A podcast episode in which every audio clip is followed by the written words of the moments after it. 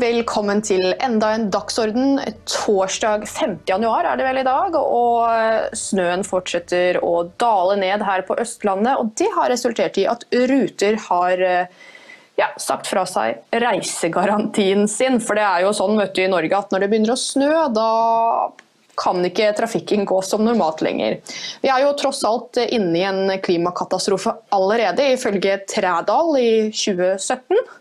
Det kan vi se her, en liten tweet. Og snømåking for å sikre fremkommelighet har jo alltid vært viktig for Oslo kommune. Men òg er en av byrådets oppgaver, men det skjer jo ikke lenger. Eh, og sånn går det vel når det er rød-grønne politikere som styrer, og de har avlyst vinteren. Norge takler ikke snø lenger, og det er eh, kanskje blanding av forventninger til global oppvarming og mangel på intelligent liv i politikken, som du sier, Christian, for du er med i dag du også. Og at mange nordmenn lever i en grønn massepsykose. Og hva forventer man da når regimemedier setter i gang med artikler som dette? The Washington Post skriver at klimaendringer forårsaker at flere kvinner kan bli utsatt for vold i hjemmet. Klimaendringer forårsaker det, altså.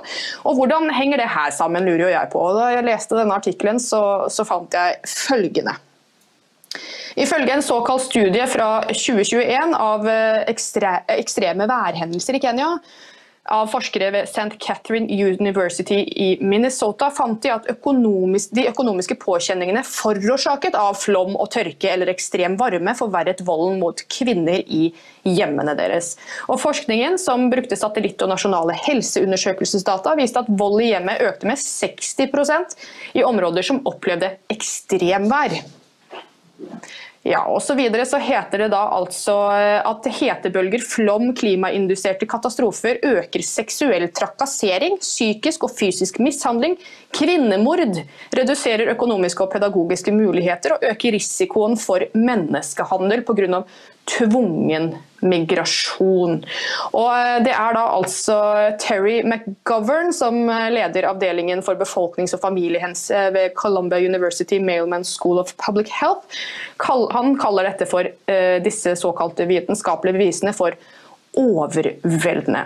Christian, kan du være så snill å hjelpe meg å forstå dette her? Ja, dette er jo den typen forskning som uh, er egnet til å, å, å, tømme lungene mine fullstendig for luft. Altså. Og når jeg da tar et, uh, et dypt åndedrag etterpå, så, så, får jeg lyst til å snakke en hel dag om hva som gikk galt med akademia. fordi her er det veldig mye som har gått galt. Uh, Terry McGovern er, uh, det er en kvinne for øvrig. Uh, jeg sjekket profilen hennes her og der. og Hun har da en profil på LinkedIn hvor hun forteller at hun ja, egentlig er en slags sosial aktivist. Hun legger alltid stor vekt på å, fremme rettighetene til svakerestilte grupper i sin forskning. Enten det nå er ja, fattige eller kvinner eller LGBT eller you name it. Så da, da går jo forskningen over i uh, aktivisme, i sosial aktivisme. Og det er mulig at dette her er noe som er eh, veldig kjennetegnende for, for sosialfagene. Så at de skal innta nærmest en, en politisk rolle. Det, det, kan jo i parentes være noe av grunnen til at, eh, at, Øyvind Eikrem fikk så mange problemer eh, på NTNU. Fordi at eh, han ordla seg politisk på en måte som man ikke skal gjøre hvis man er forsker innenfor sosialfag.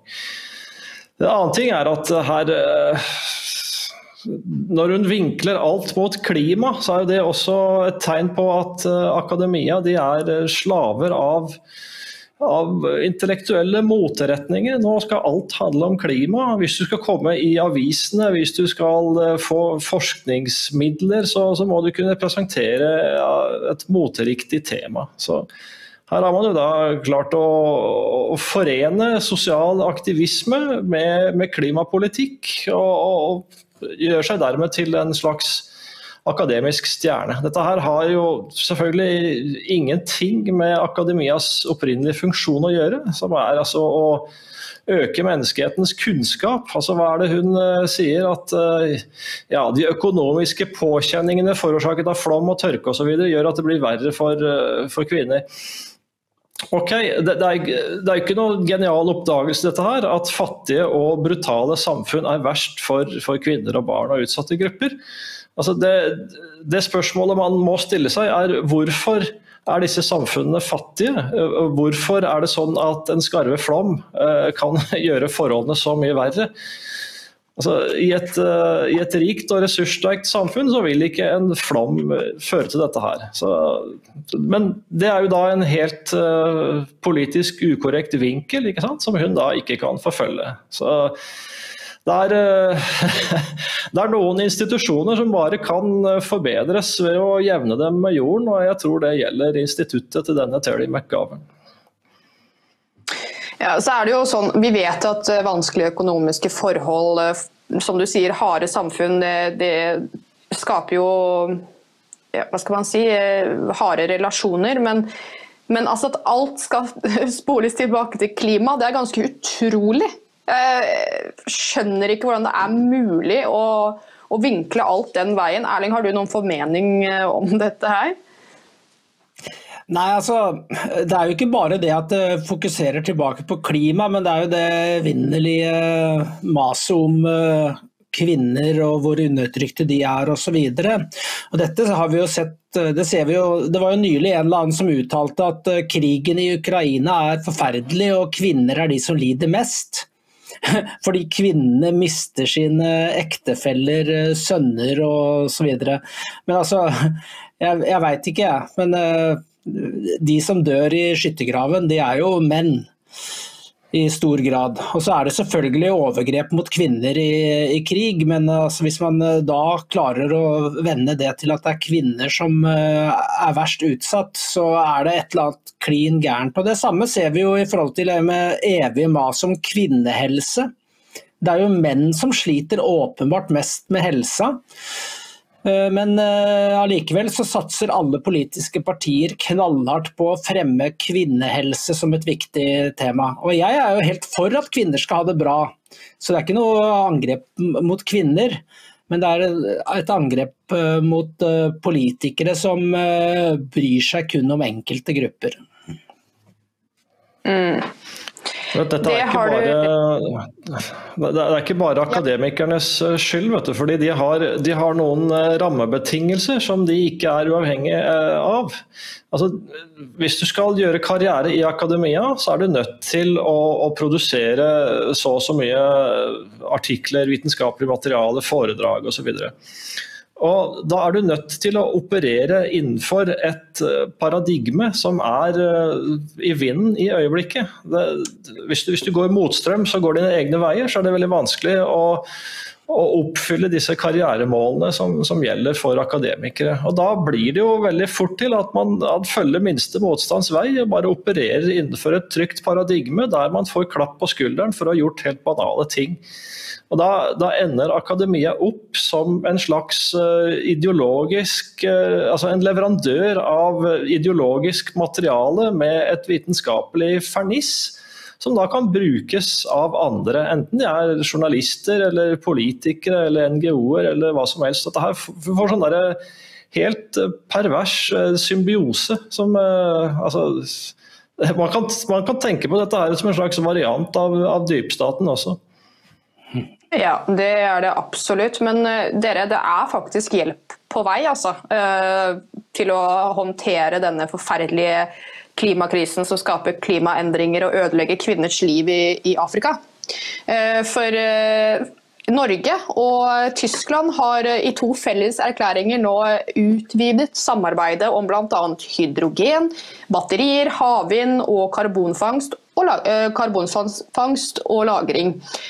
Altså det, de ville altså ha mer av det samfunnet som har kjørt samfunnet vårt i grøfta, i samarbeid med den verste aktøren til å kjøre hele Europa i grøfta. Og skal bare ta denne muligheten til å minne alle sammen på om at Norge inngikk en avtale med, med Tyskland, eller tyske jernbaneselskap, om å levere eh, strøm, altså eller elektrisitet eller energi til 10 øre kilowattimen i ti år. Bare sånn for ordens skyld at hvis noen har glemt det der ute, så det er det som skjer nå. Men nå skal de også snakke om hydrogen. Og Christian, hva er det dette handler om? Ja, dette handler om at uh, noe av verdens dummeste energipolitikk skal fortsette å bli enda litt dummere. Altså, det er uh,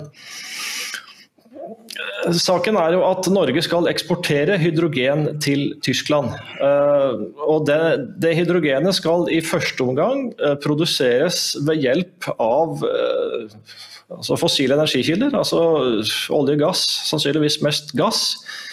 Det som skjer er at Man trekker hydrogen ut av eh, gassen, og så pumper man CO2-en som blir til overs i prosessen ned, på havets bunn. Og Så eksporterer man hydrogenet til Tyskland, og så bruker de det i kraftverk istedenfor gass som energikilde. Så Dette er en slags uh, symbiose, da, en slags Colombi egg. fordi på denne måten så kan Norge da fortsette sin olje- og gassalder helt til det er tomt i Nordsjøen. Og så kan man samtidig si at dette her er klimavennlig, for det er ikke noe CO2-utslipp. Altså vi, eh, vi, dytter all CO2-en ned på havets bunn og sender hydrogen til Tyskland.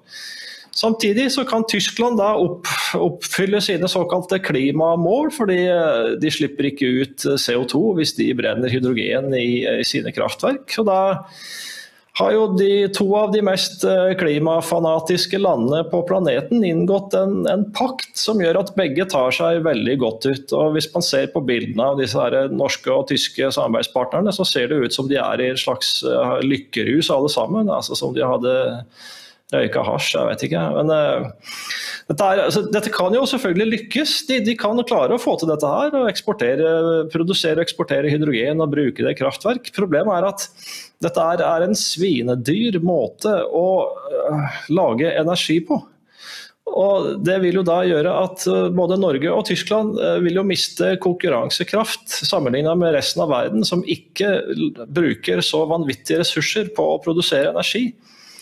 Så det er jo klart, Norge og Tyskland blir jo ikke omgjort til noen rykende ruinhauger over natta fordi de gjør noe dumt, fordi det er veldig rike samfunn som det tross alt tar lang tid å ødelegge. Men de svekker sin eh, konkurransekraft. og Resten av verden kan jo bare kose seg over dette her. Altså, de får jo et konkurransefortrinn.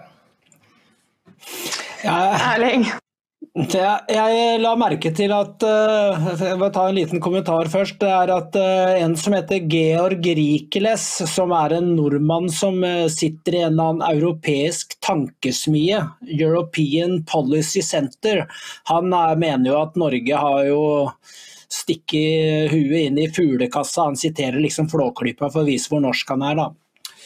Og han, han sier at det er uh, debatten om strømkablene som uh, gjør at Norge er sinker i havvindsatsingen. Og så sier han, nå skal jeg sitere en riktig her, pga. disse debattene har man ikke lagt seg på et høyt nok ambisjonsnivå men blitt veldig forsiktig. Men altså, altså når nordmenn har opplevd at strømprisen blir tidobla, Hvorfor skal vi da bli enige om å bruke hundrevis av milliarder kroner på å bygge havvindskraft for å eksportere enda mer strøm til utlandet? For det er jo det i stor grad er snakk om, i tillegg til å elektrifisere sokkelen og sånne idiotiske ting.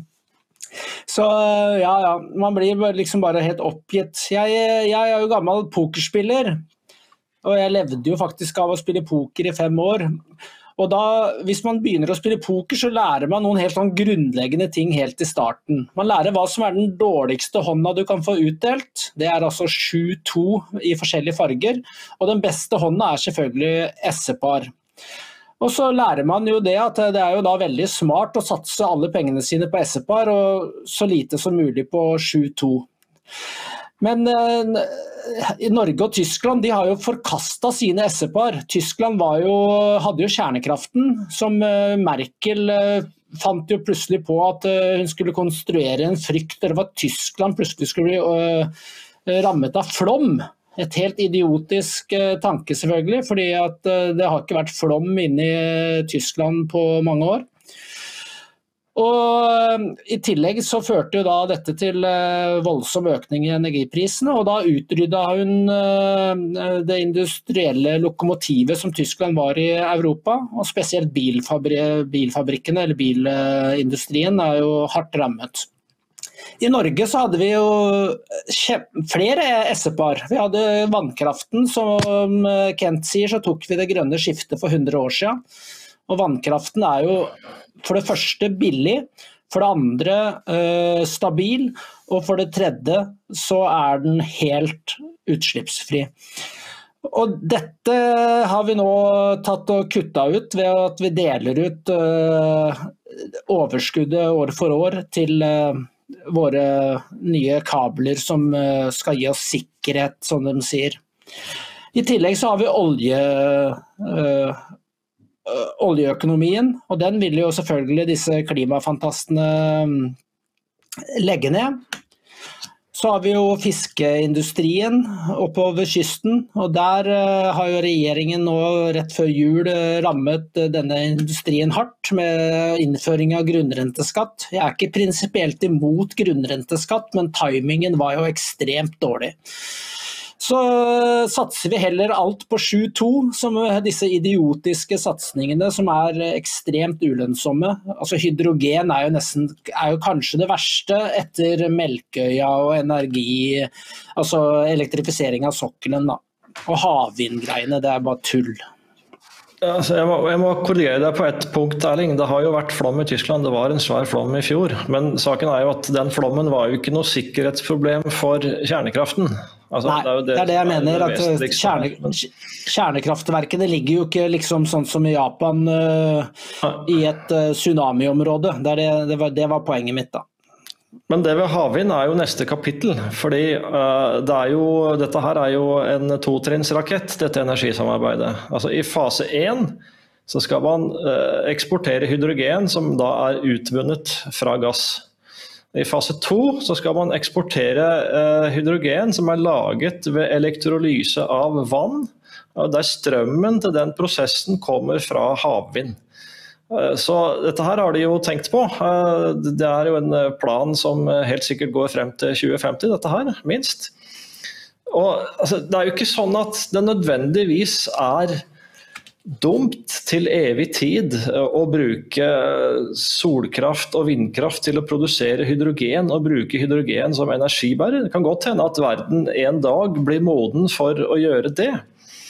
Det som er Problemet er at det skal pushes frem politisk eh, med et eh, forferdelig hastverk på et tidspunkt hvor teknologien ikke er moden. Og det, er det som er i ferd med å skje akkurat nå.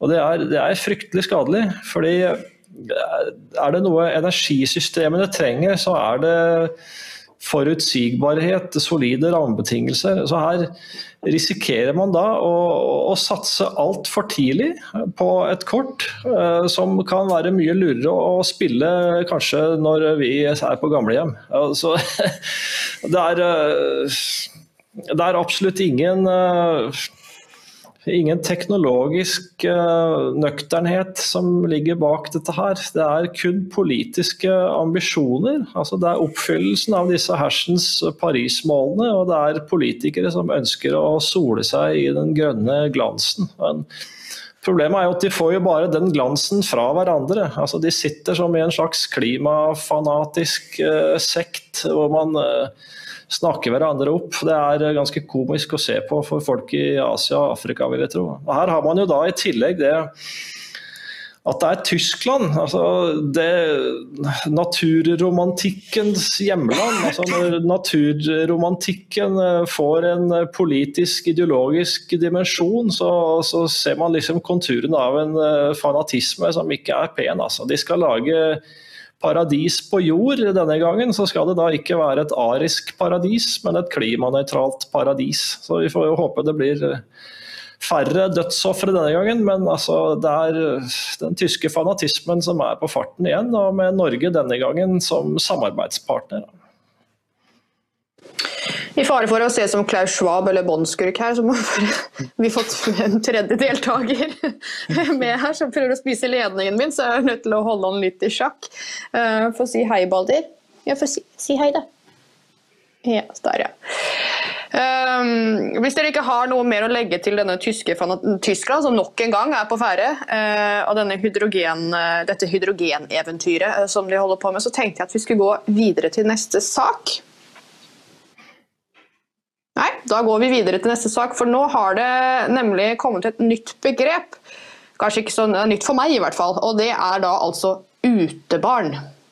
Og utebarn det er sånne barn som ikke får være nøkkelbarn eller har noe sted å gå etter skolen, eller når de ehm, Ja, de må rett og slett være ute, det ligger i, ligger i begrepet. Og det er da eh, skal vi se, Det er altså Raimond Johansen og politimannen Hans Magnus Gjerlaug i Oslo-politiet som snakker om såkalte utebarn. Eh, disse barna de, eh, de, må være, de er ikke plass til dem hjemme. Eh, Raimond Johansen sier utebarna blir, derimot blir sendt ut fordi det ikke er plass til dem hjemme. Det treffer meg hardt i magen, sier han. Eh, og begrepet handler visstnok om trangboddhet, og at eldre søsken har eh, utetid, sånn at de mindre søsknene kan forslå seg til ro og sove i leilighetene. Og Da lurer jeg på, eh, er det ikke sånn at man må ta ansvar for hvor mange barn man har, og er det egentlig utebarn som er problemet på Oslo øst, sånn som de prøver å fremstille det i denne artikkelen?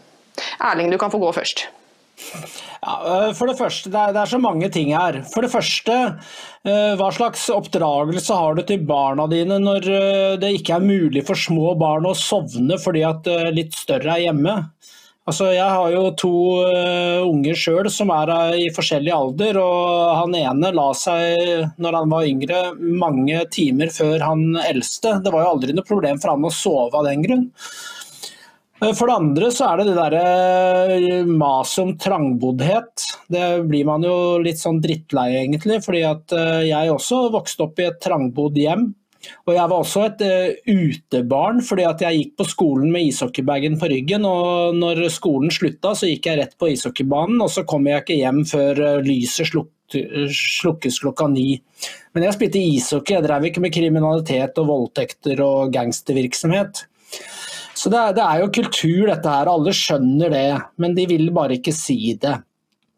Og eh, Derfor så blir man, man blir bare så oppgitt av slike nyheter. fordi at eh, de fleste nordmenn som leser eh, slike saker, de skjønner hva det dreier seg om, og så blir de ikke fortalt det, og da blir de irriterte. Og dette her skaper jo unødvendig høy splittelse og fiendskap. Mm. Christian, hva, det, tenker du om at uh, vi ikke har sånne nøkkelbarn lenger, vi har uh, utebarn? Ja, jeg er fascinert over den uh, språklige innovasjonsevnen her. Altså, nye ord er alltid, alltid spennende. Så Utebarn, sånn lydmessig, så, så, bringer det tankene litt på hittebarn. ikke sant? Et stakkars barn som blir funnet og man kanskje ikke vet hvem foreldrene er. Så er, her er det jo Eh, lyden kan jo da tjene til å utvikle en slags ny offerkategori her. Altså, men jeg innser jo nå at jeg har jo vært et utebarn store deler av min egen oppvekst, jeg også, så det er mulig jeg nå er å anse som et offer. Altså. Eh, altså, foreldrene da jeg var liten de, liten, de sa jo til barna at dere skal være ute og få frisk luft. Så Det er ikke sunt å være inne i stua hele dagen, så vi ble jo jagd ut, rett og slett. Og, men det er klart, de var jo eh, de var jo ikke redde for at vi drev kriminalitet eller sånne ting. Så det, det skapte jo selvfølgelig ikke de problemene som, som, disse barna man har i tankene her gjør. Da. At man er redd for at de havner i ja, med vold og narkotika og ran og den slags. Så, men da da bør man kanskje gripe fatt i hvorfor det er eh, noen former for oppdragelse som uh, fører til at noen leker og andre driver med kriminalitet. Så det er jo, da ville man jo nærme seg kanskje noen ubehagelige spørsmål som helst ikke skal stilles. Så her, uh, som vanlig så er det ikke noe personlig ansvar ute og går. Her er det vel da samfunnet som må stille opp for, eh, for nye kategorier av ofre. Jeg vet ikke. Det ble vel ikke så mange igjen til slutt som ikke er ofre. Jeg vet ikke. Jeg, jeg Nei, alle er Jeg syns det ordet Ja, det... nøkkelbarn er litt eh, interessant òg. fordi at eh, jeg var aldri noe nøkkelbarn. fordi at det var jo ingen som låste døra når jeg vokste opp. Både verken på Jessheim eller til og med hvor min eh, far bodde, da, eller på Skjetten, som jo tross alt var en drabantby, og ikke eh, med et eh, relativt eh, dårlig rykte den gangen. Det vet jo du uh, om, uh, Rebekka. Allikevel uh, så låste vi aldri dørene, det var alltid åpent. Det var bare å komme inn. Så jeg var ikke noe nøkkelbarn, men jeg var et utebarn. Så, så det, det, det, det, sier jo litt om hvordan samfunnet vårt har utvikla seg, ikke sant. At eh, nå er, det, er vi nødt til å låse dørene. Hvis ikke så er det noen som vil komme inn. Og så må du betale mer skatt, selvfølgelig, sånn at vi kan da skaffe noen sosionomer som kan ta seg av både utebarn og nøkkelbarn. Det er kanskje noen psykologer også. Jeg vet ikke, Det er sikkert mye traumatisk å snakke om her. da. Jeg syns jo det er veldig imponerende at de. Jeg synes det er imponerende at de sier at det er de mindre barna, altså søsknene, som skal få sove osv. Da lurer jeg først på hvor mange søsken har du? Og så, eh, som du sa, Erling, hva slags barneoppdragelse er det? Men eh, det er jo også noe med hvor mange barn kan du egentlig pådra deg uten å kunne ta vare på dem? Det, lurer, altså det er jo et legitimt spørsmål, og spesielt nå som eh, fødselsraten i Norge har stupt alle steder, var det ikke det du skrev, Erling? Bortsett fra Østlandet. Og da blir det vel flere utebarn, da, tenker jeg, fremover. Ja, altså, det, det er jo ikke konkludert eh, noe her, da.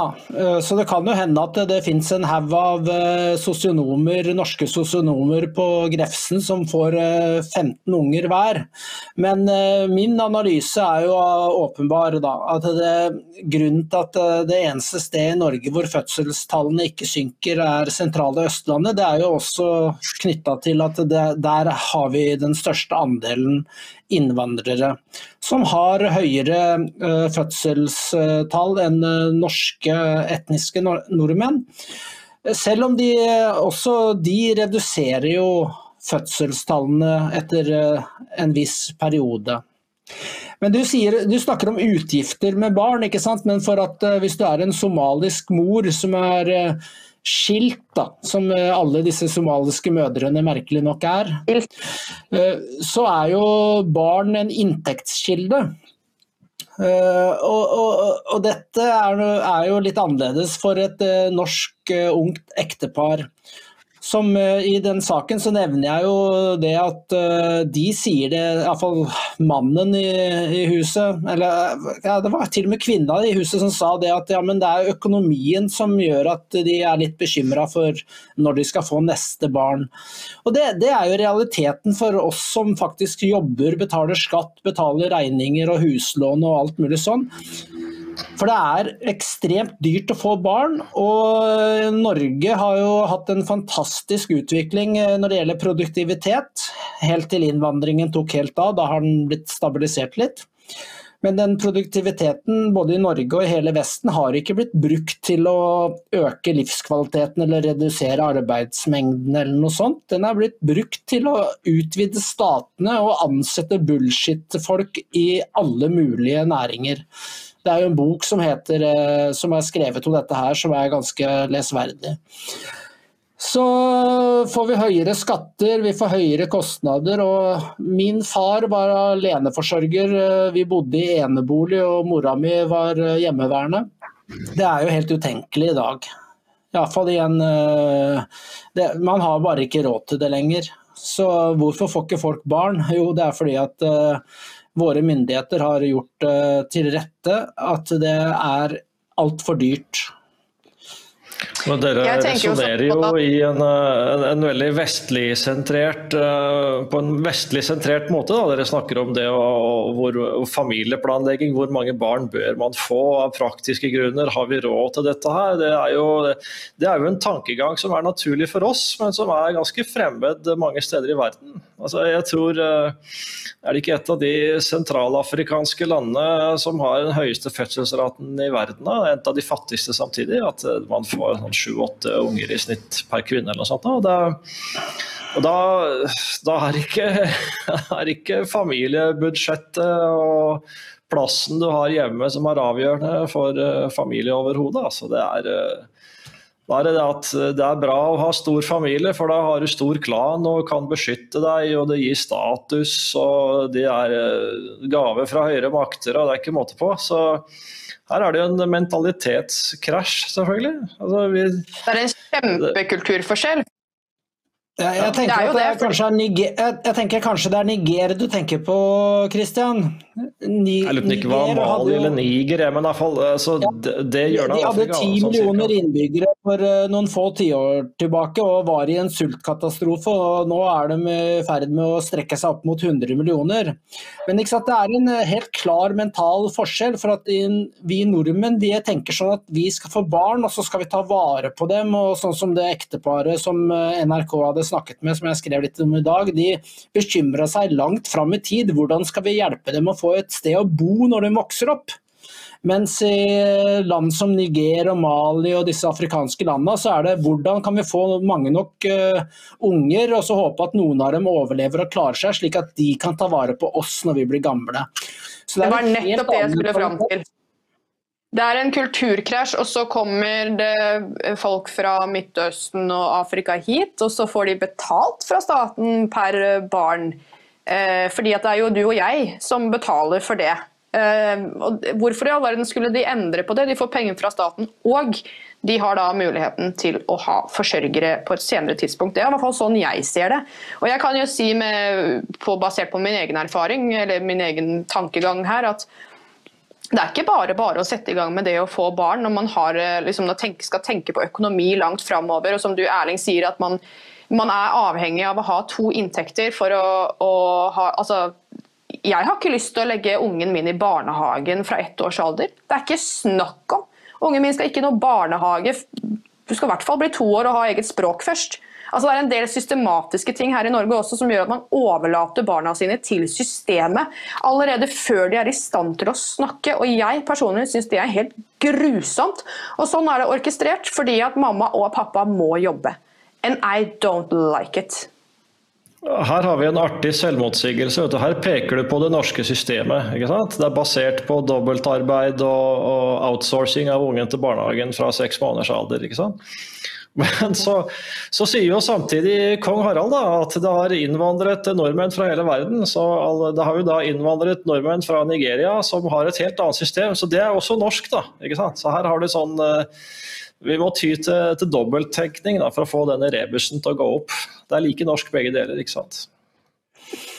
Det er altså litt viktig å merke seg det at uh, disse tallene uh, Nå har jo ikke SSB gått inn og definert uh, hvem som er etnisk norske og ikke etnisk norske presist. Men jeg regna på det i 2021, og da kom jeg fram til at etniske nordmenn fikk under 1,4 barn. Og Hvis man knytter det opp mot høyere fødselstall blant innvandrerbefolkningen, som nå er på ja, det er jo over 900 000 på den beregningen den bruker, og i realiteten så er det vel antageligvis passert en million. Og I tillegg så har vi da en ganske høy innvandring som fortsetter. I 2021 så var det nesten 20 000 som var nettoinnvandring. Det er altså antall som kom inn i landet minus antall som flytta ut. Så kan man tenke på hvem er det som flytter ut. Ja, vi har jo, i, i, i år så har vi jo merka oss at uh, masse milliardærer har flytta ut, noe som reduserer skattenivået selvfølgelig. Men hvis du tenker på utlendinger som flytter ut, så er det jo kanskje mange som er pensjonister. Hvis du flytter til eh, Pakistan, da, vi har jo veldig mange pakistanere i Norge, og mange av dem har jo bygd seg svære slott nede i Pakistan. Hvis du flytter dit som pensjonist, så får de en pensjon som er langt over ti ganger så høy som gjennomsnittsinntekten i Pakistan. Og i Pakistan så er kostnadsnivået omtrent på 20% av det vi har i Norge. Så ikke sant? Det er så mange elementer her, og det som er helt åpenbart, er at den eh, konspirasjonsteorien om befolkningsutskiftning, den lever i beste velgående. Ja, Den lever i beste velgående fordi at det er det som skjer demografisk, og det er ikke til å, å komme unna. Og så kan man jo si hva man vil om motivasjon, eh, det kan jo selvfølgelig diskuteres opp og i mente, men saken er at det skjer. Men ja, samtidig så benektes jo rene kjensgjerninger. Det er jo en, en ny og ja, en ny fascinerende side ved offentligheten i Norge og Vesten for øvrig. At, at man kan faktisk la være å, å, å, se på helt åpenbare fakta, og ikke, ikke, gjengi dem hvis man støter på dem, benekte dem hvis noen konfronterer deg med dem, og, og slippe unna med det. det jeg synes det er uh, veldig rart, men sånn er det blitt. Ja, Vi skal gå videre til siste sak for i dag. og det handler om Jens Stoltenberg som har holdt en tale. Hvem var det til, eh, Christian? Var det til Nato, eller? Uh, nei, det er vel Var det ikke NHO det var snakk om? NHO var det selvfølgelig, beklager. Jeg, jeg, jeg har lest saken. Erling er mer oppdatert på den saken enn jeg er, men. Ja, Erling, kan ikke du fortelle oss hva som har skjedd? Nei, altså, Det er jo enkelte som hevder at eh, Stoltenberg har holdt en sterk tale og osv. osv. Men eh, basically så en av de viktigste tingene han sier, det er jo at eh, han ønsker å øke kravene til forsvarsbudsjett for Nato. Dette er jo et krav som i dags dato er 2 og eh, Nok en gang må vi tilbake til Tyskland, som ikke er i nærheten til å oppfylle dette kravet. De ligger vel på rundt 1,44% og Dette var jo noe Trump, når han påpekte det, dette her, ble jo han anklaget for omtrent å ville oppløse Nato. men han, han, mente jo bare at hvis du har skrevet under på en avtale, så bør du opprettholde avtalen.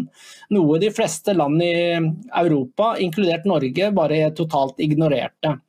Og Det Trump sa eller, og mente, var jo at hvorfor i all verden skal hele Europa leve i velferdsstater og pensjonere seg i 50-årene og leve med gratis helsevesen og alt mulig sånn, og så skal det sponses av amerikanske arbeidere som beskytter Europa.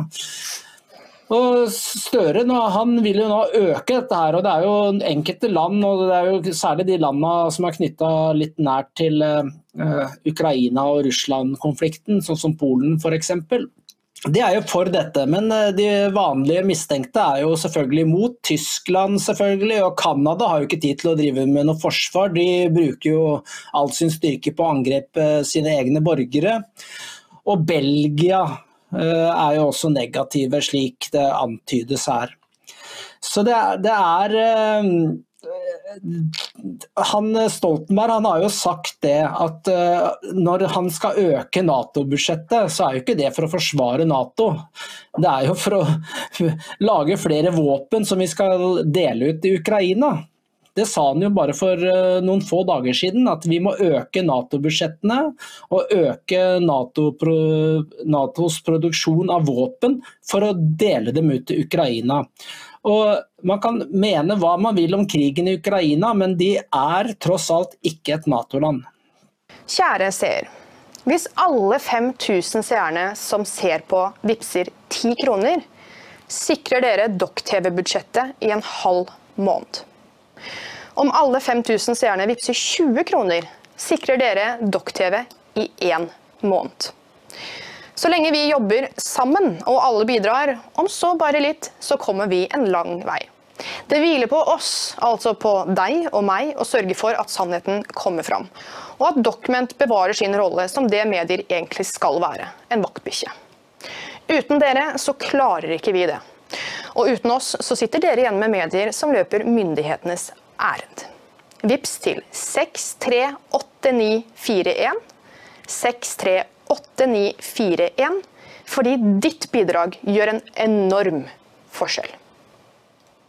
Eh, hvis Stoltenberg spiller kortene sine litt lurt, da, så sier han at dette er for å hjelpe Ukraina. Det er ikke for å si at vi trenger generell opprustning eh, permanent. Det hadde vært mye ærligere å si at eh, vi er verdens sterkeste allianse. Vi må hele tiden lage nye våpen. Det skulle bare mangle. Det, det kunne Trump ha sagt, men det, han sier at nei, det er for å hjelpe Ukraina. Så får du laget en sånn der litt nobel vri på det hele. Så men Stoltenberg sa jo en annen ting også som kanskje var vel så interessant. og Det var eh, dette her med at Vesten ikke må være avhengig av Kina. og at han eh, trakk noen demarkasjonslinjer vis-à-vis Kina. Og Det, det er nokså delikat, fordi eh, store deler av Vesten har jo outsourca sin virksomhet til Kina.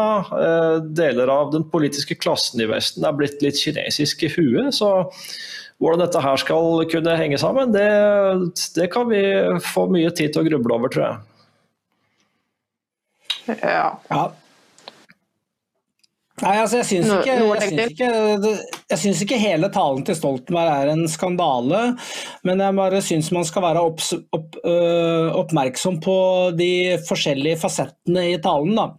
Og Det at han uh, nevner Kina såpass klart, det kan jo antyde at det er en endring på gang i USA. og Det har vi vel sett små tegn til. fordi at uh, Som Nato-sjef så er jo Stoltenberg underkasta Biden-regimet. Akkurat som han var faktisk ganske lydig når det var Trump som var president. og jeg skal ikke si at han var en alliert med Trump, men han eh, gikk ikke i opposisjon til Trump f.eks. med den saken jeg nevnte i stad, når eh, Trump krevde at Europa bidro med sitt. Da fikk han støtte fra Stoltenberg. Så han spiller sin rolle.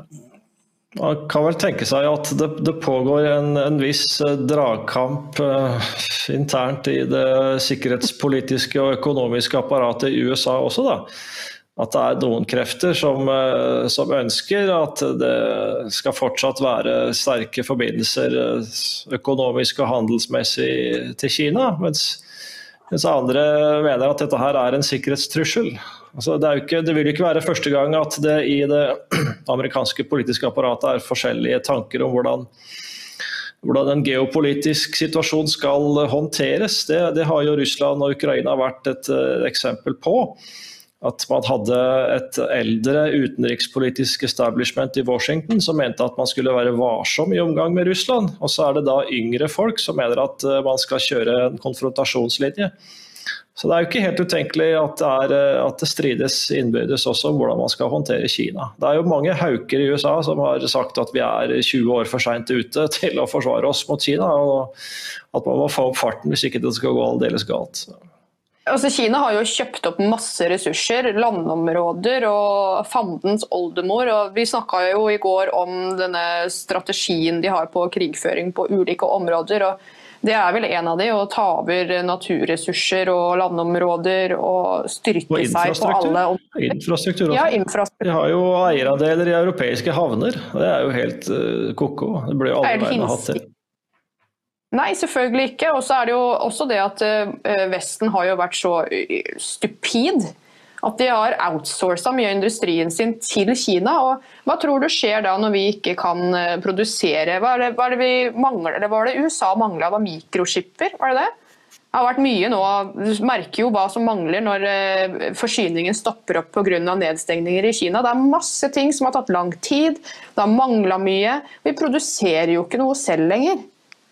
Det var, krise, det var, jo stor krise i USA i fjor fordi at de mangla morsmelkerstatning. Altså det sier litt om uh, verdens fremste industrielle nasjon. Altså du greier liksom ikke å fòre barna dine. Nå, nå, nå, er jeg veldig tilhenger av uh, amming, jeg, da, men det er ikke alle som får til det. og Da må du ha morsmelkerstatning.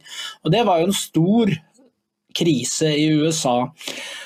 Sverige har jo Kina gjennom det der eh, Belt and Road-prosjektet eh, bygd opp masse vindmøller og slike ting. I Afrika så har de en eh, Dette er også en del av det man kan si er en slags femte krigføringsgenerasjon.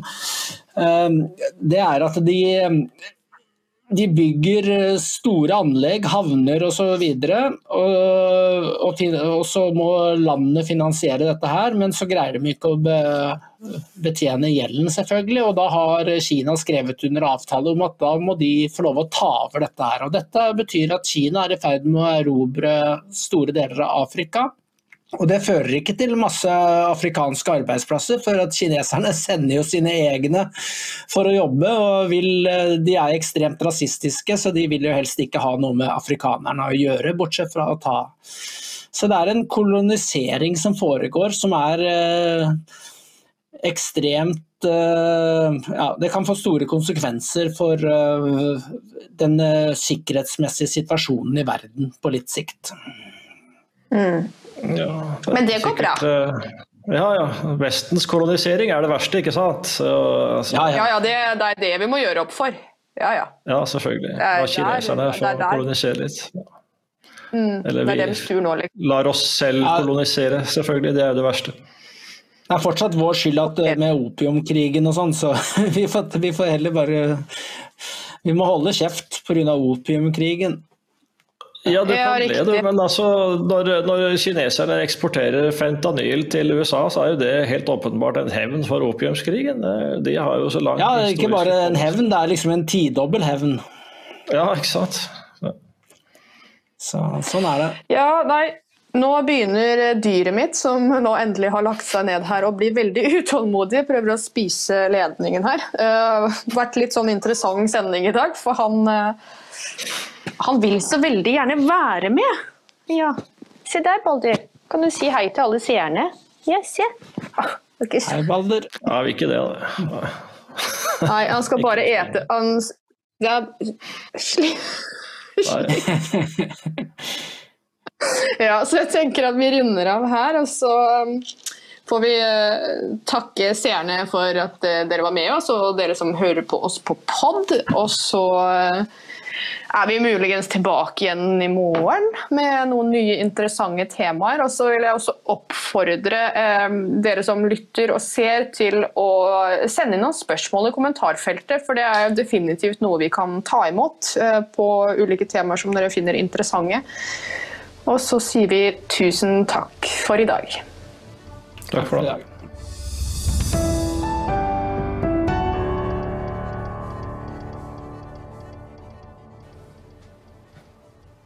Hei! Har du også antistatlige holdninger? Ja, da har du kommet til rett sted. Da er Dokk-TV noe for deg. Men for at vi skal kunne lage Dokk-TV, så er vi avhengig av din støtte. Vips et bidrag til 63 89 41. Takk. Husk å vips, ellers så kommer klimatrådet og tar deg, og jorden går under. Dette blei langt.